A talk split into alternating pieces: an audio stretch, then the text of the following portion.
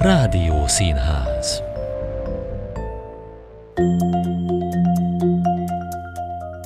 Üdvözlöm Önöket, Völgyi Tóth Zsuzsa vagyok. A Kossuth Rádió műsorából a Rádió Színházból hallhatnak válogatást hétről hétre a Spotify-on.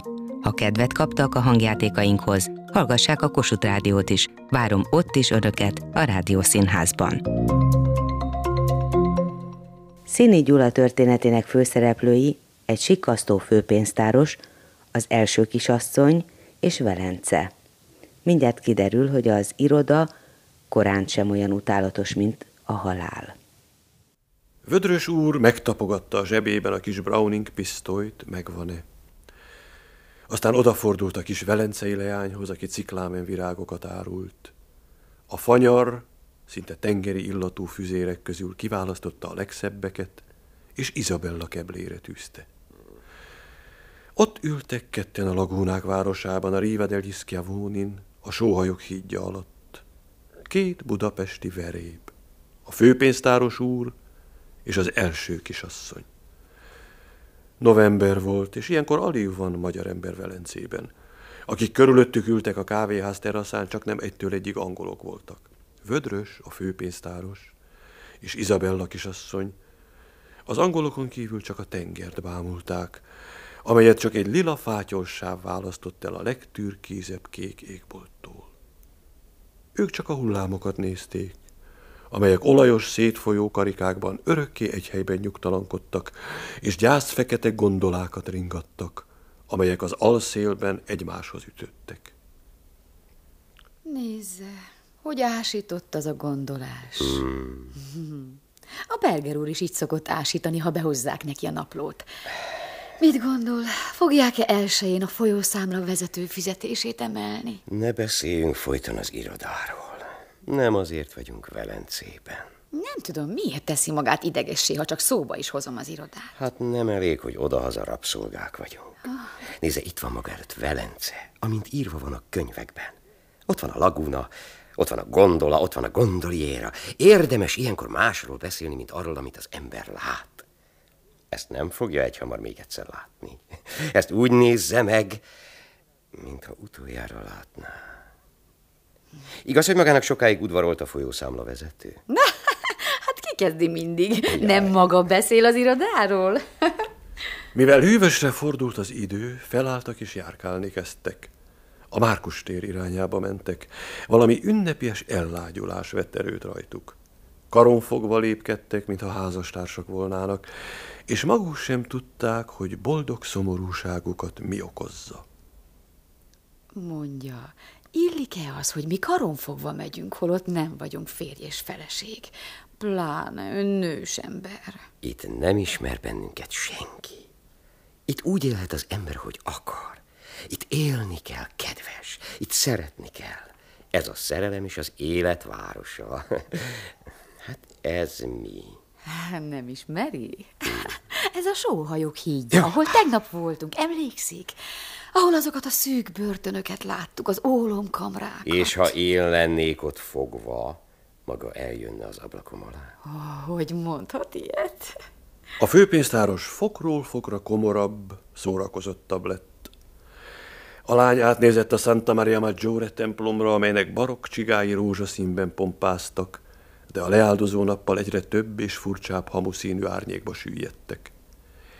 Ez alatt pedig vödrös esze egészen máshol járt. Talán most ravancsolnak, és a Berger úr a könyvek fölé hajlik, a pápa szeme szigorúan csillog, néha előveszi a piszkos zsebkendőjét, és gúnyosan belefújja az orrát, mondván, ez a vedres, ez a vedres, ki hitte volna? Talán már ki is számított a rettenetes vörös ceruzájával, hogy két év alatt tízezer korona a sikasztás, és ebből csak három ezer korona van a vödrös zsebében. Ennyit tudott csak elemelni az utolsó pillanatban. Menjünk vacsorázni. Csak tudnám, hol a legdrágább. Menjünk gondolával. A gondola egyenletesen siklott, és a karcsú gondolás legszebb evező pózaiban gyönyörködhetett a laguna mély, sötét vize. Azok ott, benn a baldahin alatt, mindebből alig vettek valamit észre. Ugye elvesz feleségül? Az enyém maradsz mindörökre. Ha másképp nem, a halál egyesít minket. Meg tudnál-e halni velem, drága? Arra ráérünk még. Maga olyan furcsa máma. Mindig a halálról beszél, és megharagszik, ha én az irodát emlegetem. Pedig az iroda mégsem olyan utálatos, mint a halál.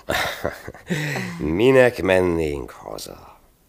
Most Pesten is csúnya sár van az utcán, minden olyan utálatos. Itt pedig minden olyan szép és meleg. Inkább itt szeretnék meghalni, mint Pestre visszatérni. Mert... Mert... Be kell vallanom magának. Sikkasztottam. Elrabolta a becsületemet, és még sikkaszt is. Mert szeretlek. És egyszer azt akartam, hogy egészen az enyém legy, és boldogok legyünk, és dobáljuk a pénzt, mint egy úr. Meg hogy holnap reggel ne kelljen rögtön hivatalba menni. Egyszer életemben boldog akarok lenni. És aztán nem bánom, jön, ami jön. Nekem a sifli az egész. És nem lehetne azt a pénzt valahol felhajszolni, és, és visszafizetni. Ah. Mennyit tesz ki? Tízezer korona. Ez a nagy szám egyszerre elvágta a nyelvét. Úgy nézett maga elé, mintha tagló sújtott volna le rá. Aztán, mint egy darab fa omlott a férfi ölébe. Ödrös tudta, mit jelent ez. Beleegyezést. És úsztak, lebegtek a vizen, mint két szomorú halálfejes pillangó. Levelet nem írunk. Majd a hotelban. Pesgőt is fogunk inni. És kinézünk majd a tengerre. Az ablakaink épp a vízre nyílnak. És megvárjuk a reggelt. És mikor piros lesz az ég alja, akkor... Akkor nem élünk tovább.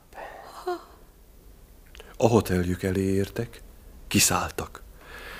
Bementek az előkelő hotel haljába, és Vödrös egyenesen a metrdotelhez ment, hogy megrendelje nála a halálvacsorát. Ajánlok egy jó finom homár. Jó legyen, Homár. Mi van még? Májpástétom szarvasgombával. Igen, de friss legyen. Ez alatt Izabella bement a portás fülkéjébe, és leakasztotta a szobájuk kulcsát a szegről. A levélszekrényükben egy magyar lap volt. Izabella felbontotta az újságot, átfutotta, és egyszerre mindenről megfeledkezve rohant Vödröshöz. Olvassa ezt. Igen?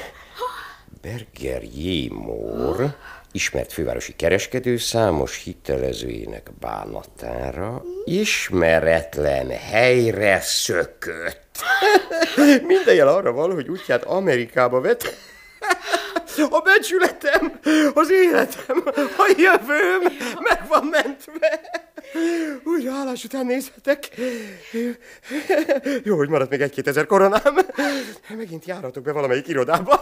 Pincér, pincér! Parancsoljon, uram! Kérem, visszarendelem az egészet. Meggondoltam.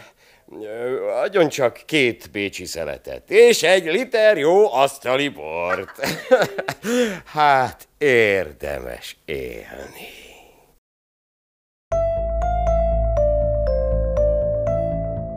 Rádió Színház